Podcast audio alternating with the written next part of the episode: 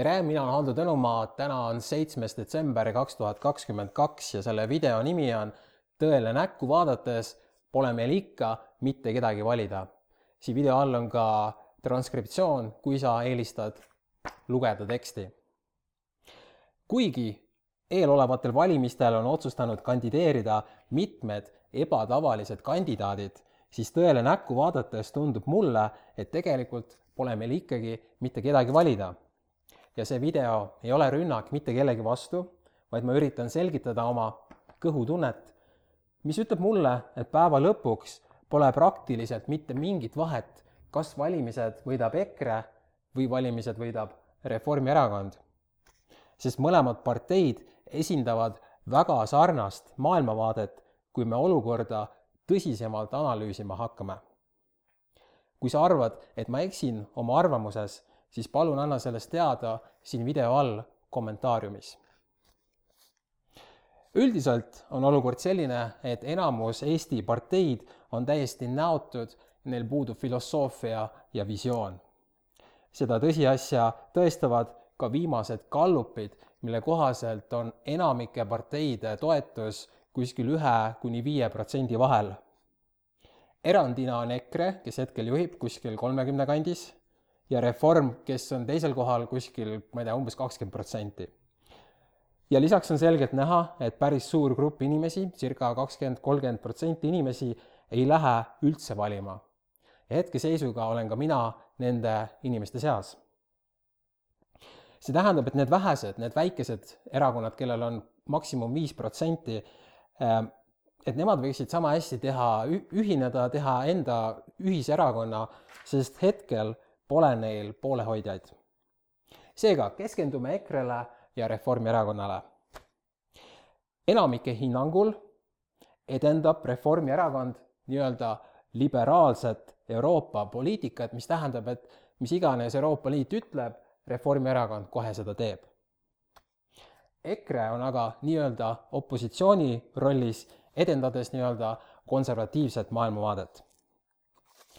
ja võtame luubi alla kaks kuuma teemat, kaks, ütleme, niisugust laialdasemat teemat, nad lähevad veel väiksemateks, kohe näete, aga me analüüsime kahte väga suurt asja, mis meile kõigile, mis kõik, mis meie kõikide elusi puudutab ning vaatame, millise nurga alt lahendavad neid teemasid EKRE ja millise nurga alt Reform. nüüd esimene asi, üks peamine asi, millele me hetkel siin videos keskendume, on koroonapettus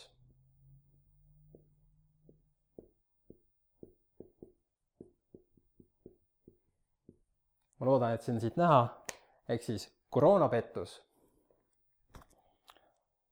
kogu see koroonavärk ja tervisediktatuur on varsti kestnud kolm aastat ja kuigi EKRE oli valitsuses, kui kogu see koroonapettus lahti rulliti, siis mingi hetk hakkas EKRE oma kurssi muutma koroona osas ning Martin Helme isegi kõneles Varro ja Objektiivi Äh, korraldatud suurel meeleavaldusel Tallinna Vabaduse väljakul möödunud sügisel. ja tasub ka mainida, et äh, enamus teistes riikides, vähemasti Euroopas, hakkasid äh, circa aastase hilinemisega just konservatiivid koroonapettuse või vähemasti koroonameetmete osas sõna võtma. Reformierakond, see pole aga siiani koroona osas isegi oma arvamust muutnud ja poliitika, mis neil koroona osas äh, ajasid, tundub, et see läheb kõik sama puuga. ja jääb mulje, et kui äh, Euroopa Liit või WHO peaksid teatama järgmisest pandeemiast, et siis reform läheks koheselt liimile ning äh, nad hakkaksid seda diktatuuri oma rahva peal uuesti rakendama. seega esmapilgul võib tunduda, et EKRE ja Reform ajavad täiesti erinevat koroonapoliitikat. pealiskaudselt see ongi tõsi. aga asi läheb põnevamaks, kui me hakkame seda teemat sügavamalt analüüsima.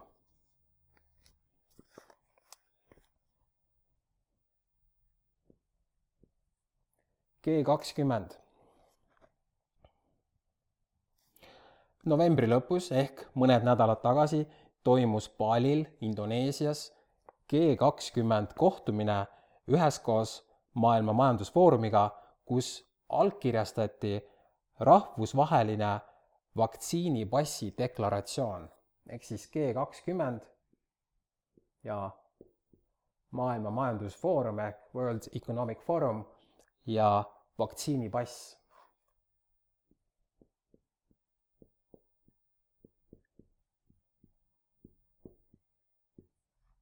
Loodan, et see on näha, vaktsiinipass, nii. väidetavalt võetakse standarditud rahvusvaheliste vaktsiinipasside reegel kasutusele järgmisel Genfis toimuval maailma, maailma Terviseassamblee, Terviseassambleel pärast rahvusvaheliste tervishoiu äh, eeskirjade läbivaatamist.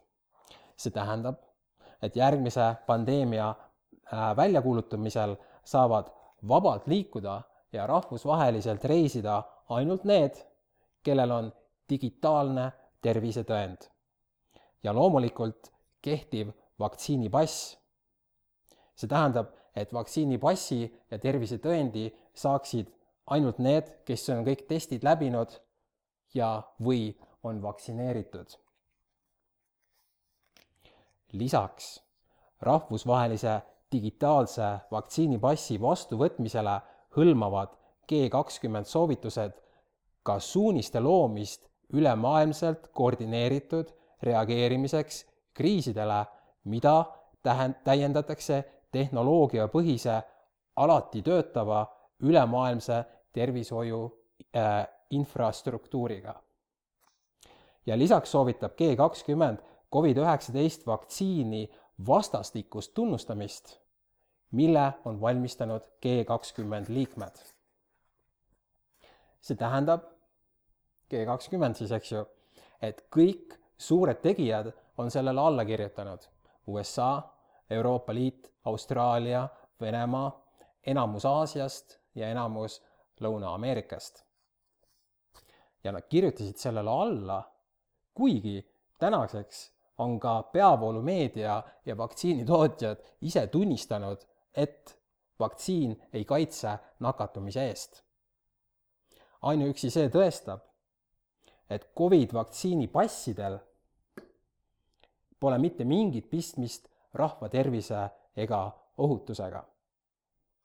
rahvusvaheline vaktsiinipass on värav täielikule totalitaarsele kontrollile, sest sellega seostatakse, seotakse kokku kogu inimest ümbritsev kontrollvõrk maailma valitsejatel on hädasti kõigile seda passi vaja, sest kogu inimest ümbritsev kontrollvõrk seotakse sellega kokku. aga siis sa võid küsida, et aga kuidas saab G kakskümmend mööda vaadata ilmselgest tõsiasjast, et Covid passid on nendele määratud eesmärgi jaoks kasutud? vastus on, et nad ignoreerivad seda ja rõhutavad selle asemel, et kõik vajavad ka digitaalset identiteeti ja see digitaalne Covid sertifikaat teeb mõlemat, ehk siis digi ID, digitaalne identiteet.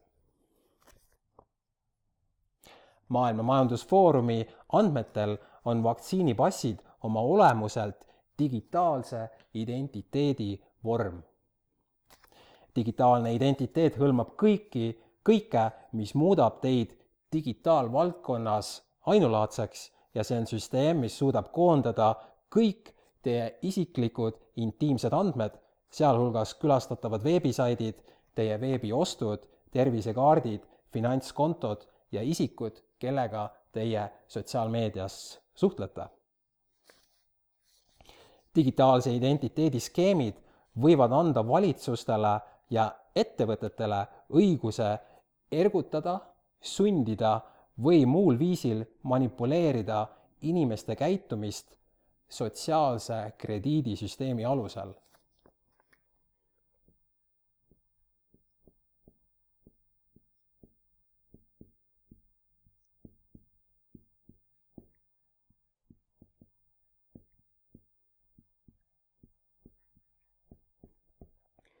sotsiaalne krediidisüsteem. vaktsiinipassid on värav täielikuks kontrollühiskonnaks, sarnaselt sellele, mida me hetkel näeme aset võtmas Hiinas ja Põhja-Koreas. Teie vaktsiinipass on seega teie digitaalne identiteet, nagu kinnitab Maailma Majandusfoorum. ja selle digitaalse, sellele digitaalsele identiteedile kavatsevad nad lisada keskpanga digitaalse valuuta.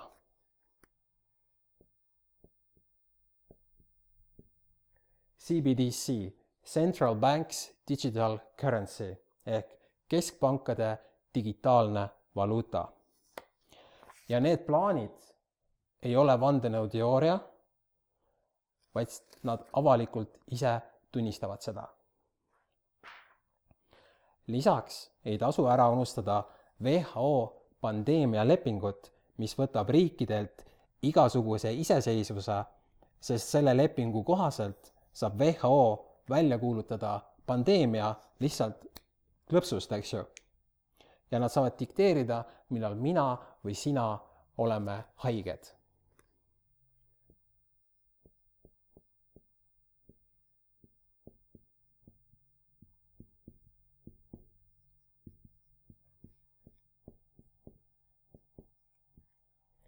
WHO pandeemialeping. kui liidate kõik need koostisosad kokku, vaktsiinipassi, digitaalse idee, sotsiaalse krediidisüsteemi, CBDC, pandeemialepingu, siis saate sellest lõpuks kontrollvõrgustiku, mis kaotab teie vabaduse elada oma elu vastavalt oma soovidele siis saab kontrollida teie füüsilisi liikumisi, käitumist, teie ostusid, selle põhjal, kui hästi te vastate nende ideaalidele. hoolimata sellest, kui irratsionaalsed, ebamoraalsed, ebaeetilised, ebaõiglased või ohtlikud need, nende, siis need standardid võivad olla.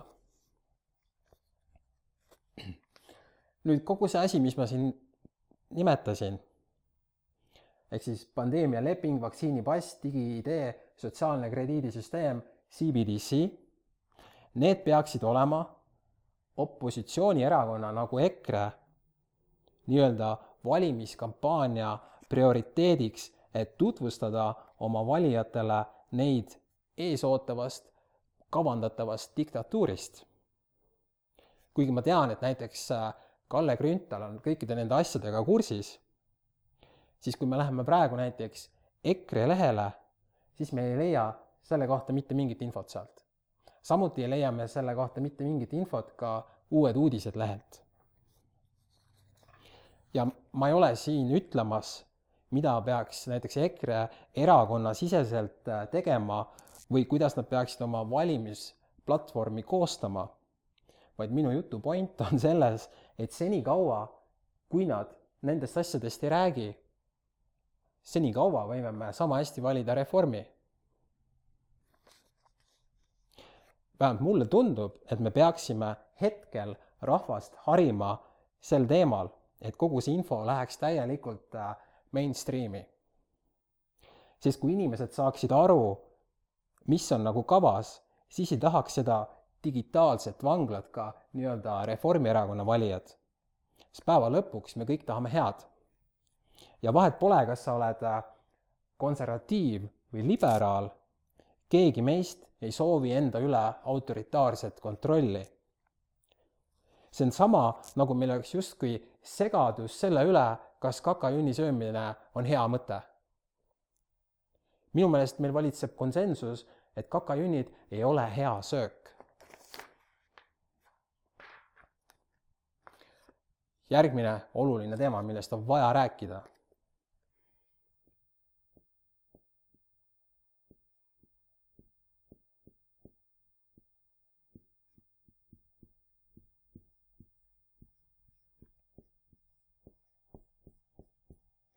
viirusepettus ehk viiruse hoax ehk viiruse olemus. tänase päevani pole enamus rahvusvahelisest alternatiivmeediast ja enamus teisitimõtlejatest terves maailmas aru saanud, et viiruseid ei ole olemas.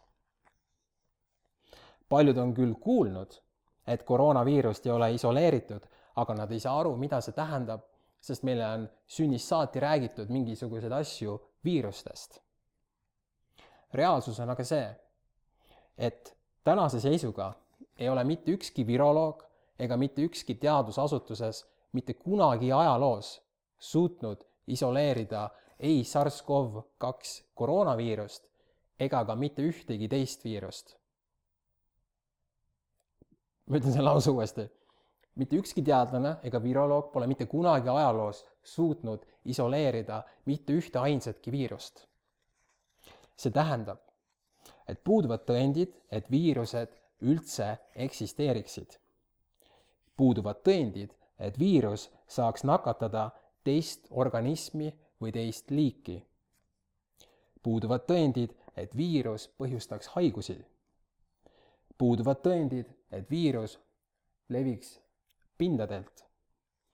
puuduvad tõendid, et viirus leviks inimeste vahel. puuduvad tõendid, et pandeemiaid või epideemiaid oleks kunagi ajaloos nähtud või kogetud. puuduvad tõendid, et nakkushaigusi eksisteeriks. ja puuduvad tõendid, et viirus läks liikvele laborist. kui kõik eelpool nimetatud asjaolud äh,, kui puuduvad kõik, mis ma ette nimetasin, need faktid, eks ju, siis pole võimalik teha ka mingisuguseid funktsiooni suurendamise uuringuid ehk bioloogilisi relvasid. seega sa võid küsida, aga mis värk on siis sellega, et inimesed jäävad haigeks või mis värk on leetrite, ahvirõugete, HIV, koroona, vöötuhatise või mõne muu nakkushaigusega. kõik väidetavad nakkushaigused ja nende sümptomid saab ära seletada ka muul viisil, aga see video hetkel ei keskendu sellele. sellest me oleme palju kirjutanud Telegramis. Ja ma ei lasku selle nii-öelda viroloogia pettuse osas rohkem detailidesse, ma ütlen lihtsalt ära, et see, mida viroloogid nimetavad Äh, viiruse isoleerimiseks ei ole see, mida tähendab isoleerimine oma definitsiooni järgi. viirus on teoreetiline, teoreetiline konstruktsioon, mis ei eksisteeri päris maailmas. kaks päeva tagasi avaldas Objektiiv artikli salajastes meilides käsitleti koroonaviiruse võimalikku labori päritolu. kaks päeva tagasi, see on siis viies detsember. aga Varro, kuidas sai minna laborist viirusliikvele, kui puuduvad tõendid, et viirus üldse eksisteeriks? Helle-Moonika Helme jagas nädalapäevad tagasi oma Facebookis ERR-is ilmunud artiklit, statistika näitab HIV-sse nakatumise pea kahekordistumist. see oli, ERR-is oli see artikkel. ja sama infot kuulutas ka Mart Helme Uued uudised lehel.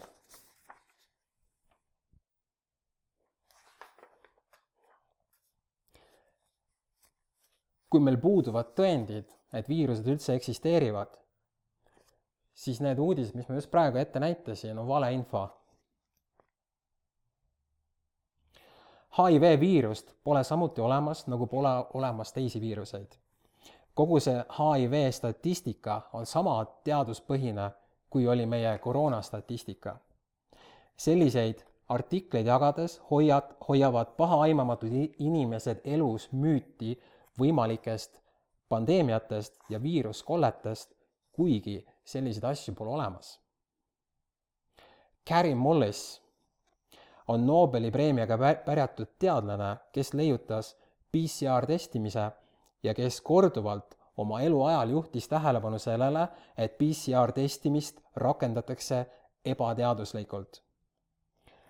seesama mees on lisaks öelnud, et kogu AIDSi teadus on täielik pettus ja ta kahtleb HIV viiruse olemasolus ehk siis seda ütles see mees, kes leiutas PCR testimise ja kes sai selle eest Nobeli preemia.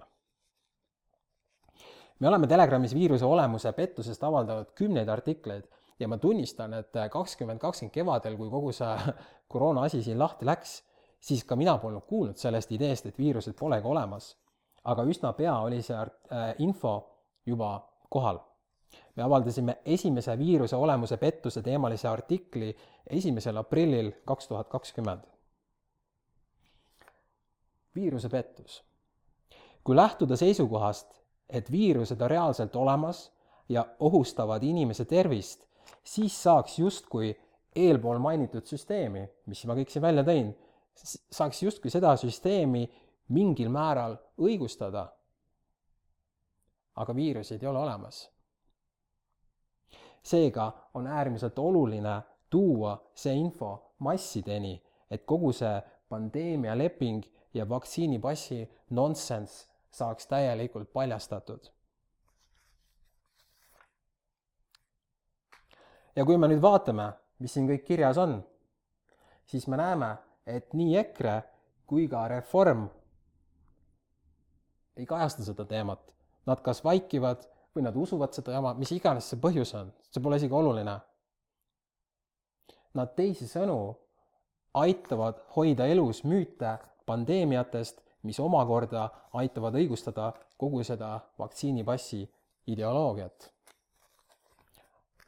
järgmine teema. sõda. ja paneme siia kirja ka Nursipalu.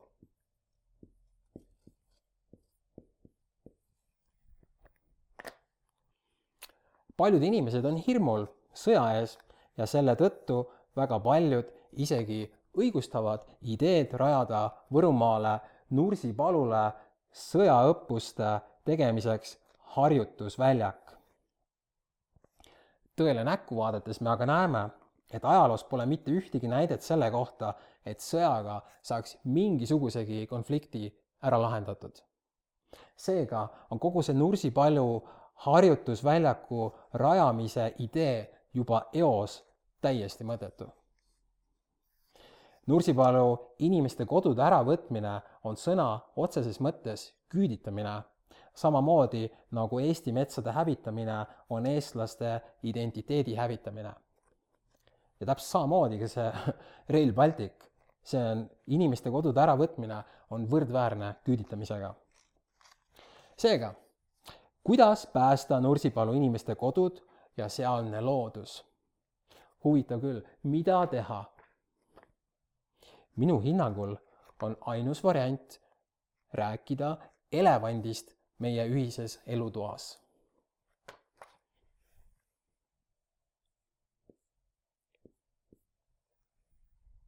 üheksa üksteist terrorirünnakud. me teame, et USA ise korraldas need terrorirünnakud, mille tulemusena algatati kaks sõda Lähis-Idas, kus käisid ka Eesti sõdurid rahu valvamas ja mõned neist seal ka hukkusid kui me sellest endiselt vaikime, siis tekib küsimus, keda me kardame, USA-d või Venemaad või salavalitsust. kindel on aga see, kui me sellest rääkima ei hakka, siis need sõjad ei lõppe mitte kunagi ära. ja kindel on ka see, et Nursipaluga see asi ei piirduks. Hollandis on laual juba kolme tuhande talu sundvõõrandamine ühise heaolu nimel. kogu see sõjavärk, see saabki eksisteerida ainult sellepärast, et eelmised konfliktid, nagu näiteks üheksa üksteist terrorirünnakute pettus, pole ära lahendatud. tulekahjut ei ole võimalik kustutada, kui me ei saa aru, kustkohast see alguse saab nüüd oluline asi, mis tuleb mõista, on see, et üheksa üksteist terrorirünnakute pettust aitab müüa ka Putin ning samuti teeb seda ka Zelenskõi.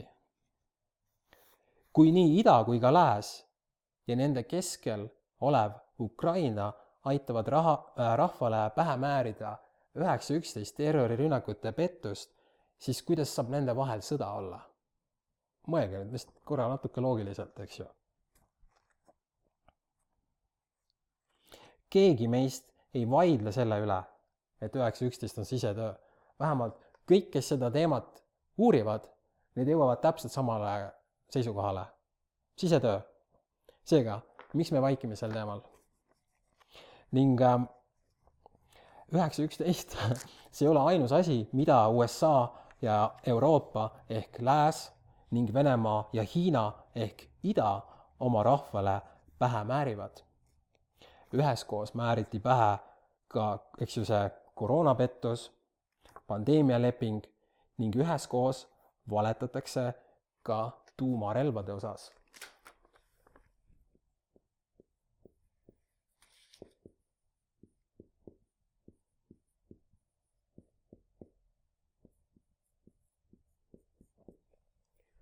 tuumarelvade pettus, ma panen siia hoax, sest et see on lahedam sõna.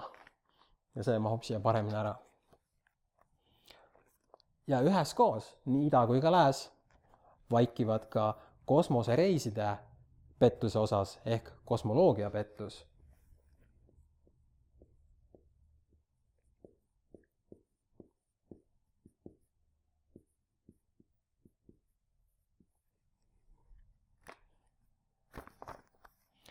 ja me ei pea üldse rääkima maakujust, ma säästan neid sellest. vaid piirdume ainult nii-öelda kosmose vallutamisele, mis kulmineerus enam kui viiskümmend aastat tagasi mustvalgel ajastul. vaata, mäletad seda aega, siis kui meie vanaemad ja vanemad ja vanavanemad olid veel noored, eks ju, siis kunagi oli aeg, kui ei olnud olemas värve. see oli siis, kui kui autoga sai nullist sajani kümne sekundiga, siis tundus see tohutu ime. siis oli aeg, kui ei olnud mobiiltelefone, ei olnud nutitelefone, ei olnud internetti, ei olnud äppe, ei olnud sotsiaalmeediat. Siis kunagi sihukesel ajal, enam kui viiskümmend aastat tagasi, teate, mis siis juhtus või? siis juhtus selline asi, et sellise papist, papist logutikuga suutsid mingisugused inimesed käia neljasaja tuhande kilomeetri kõrgusel, kaugusel kuu peal. aga tänapäeval seal enam millegipärast käia ei saa. Need Apollo kuu missioonide videod on ilmselgelt lavastatud telestuudios. ka see ei ole vaidlusmoment, sellepärast et kõik, kes neid teemasid uurivad, need jõuavad täpselt samale järeldusele. Need on fake videost, need on tehtud stuudios ja sama kehtib ka ISS-i ehk see International Space Station, rahvusvaheline kosmosejaam, kui sa vaatad nende videoid, sa saad aru, need on lavastatud. kõik jõuavad täpselt samale seisukohale, kes analüüsivad neid, kuidas öelda siis niimoodi, et nad, no ühesõnaga, ainult, kes seda jama usuvad, on need, kes on täielikult investinud ja usuvad kogu seda kosmose asja. kui sa lähed lihtsalt täiesti puhtalt lehelt, erapooletult, uurid neid videoid, sa saad aru, et see on fake nii. ja mis see kokkuvõttes tähendab? see tähendab seda, et ida ja lääs valetavad meile üheskoos reaalajas meie elu kõige fundamentaalsemate aspektide osas ehk selles osas, mis koht see on, kus me asume. seega ei saa Venemaa mitte kuidagi olla USA vaenlane, sest ta teeb koostööd USA-ga kui Venemaa tõesti oleks nii suur lääne vaenlane, siis Putin ütleks välja, kuulge, te ise korraldasite üheksa üksteist terrorirünnakud, mille ettekäändel te alustasite mitte ühe, vaid lausa kaks sõda, milles Vikipeedia andmetel hukkus hinnanguliselt kaks miljonit inimest. ja lisaks lavastasite te oma kuumissioonid ja mis see siis tähendab? veel kord, kui opositsioonierakond, vaata jutumärkides opositsioonierakond, EKRE ei hakka rääkima üheksa üks ühest, siis me võime sama hästi valida reformi. sest lõpptulemus jääb samaks. igavene sõda, Venemaa paha, USA hea, nagu oleksime lasteaias nüüd veel üks oluline märkus. kõik need teemad, mis siin on, viirusepettus, sõjapettus ja nii edasi, need ei saa jääda ühe või mõne üksiku partei liikme sõnavõttudeks, sest vastasel juhul pole sellest mitte mingit kasu. me nägime seda reaalajas pealt, kui Kalle Grünthal kahe tuhande kahekümne esimesel aastal oli Riigikogus ainuke mees, kes koroonapettusele tähelepanu juhtis ja küsimusi esitas, kuid EKRE ei olnud tal sel ajal selja taga. vähemalt ametlikult ei olnud. sest vaata, Kalle käis meil kaks korda käis podcast'is, kakskümmend üks aasta varakevadel ja kakskümmend üks aasta suvel. Suvel ehk siis augustikuus, kui ta teist korda siin oli, siis ma küsisin talt, kuule, Kalle, et äh, sa teed kõva tööd selle koroonapettuse osas, aga kui me lähme EKRE või Uued Uudised lehele, siis me ei leia sealt mitte mingit infot selle kohta, et miks see niimoodi on. siis Kalle ütles umbes niimoodi, et, et noh, et teised ei saa asjast veel nii hästi aru, et tema on nagu see põhimees, kes seda teemat uurib. aga kui teised ei saa sellest aru, siis nad järelikult ei ole ka sellest aru saanud. mis tähendab, et on vaja teha paremat teavitustööd. Nendele teemadele tähelepanu juhtimine ei saa piirduda ühe mehe mingi kolmeminutilise kõnega Riigikogus kus samal ajal üritatakse üksteisele veel puid alla panna ning siis kiiruga mingisugune point kellelegi selgeks teha, enne kui seal mingi teine vend kella tilistab, eks ju. Need on piltlikud, need on kõik elevandid elutoas. ja need peaksid olema nii-öelda erakonna esmaseks prioriteediks, kui partei eesmärgiks on seda düstoopiasse liikuvat kurssi muuta sest kui see ei ole eesmärk, nagu ma ütlesin, sama hästi reformi valida.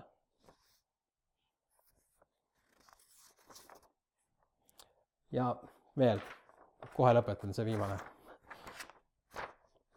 üks tähelepanek on see, et äh, nii-öelda EKRE või Objektiiv, et äh, nad ei ole kollektiivselt valedel jälgedel, vaid mulle tundub, et nad lihtsalt ei uuri neid teemasid. juhul, kui nad uurivad see lihtsalt, see peaks olema esilehe uudis igal pool, hommikust õhtuni.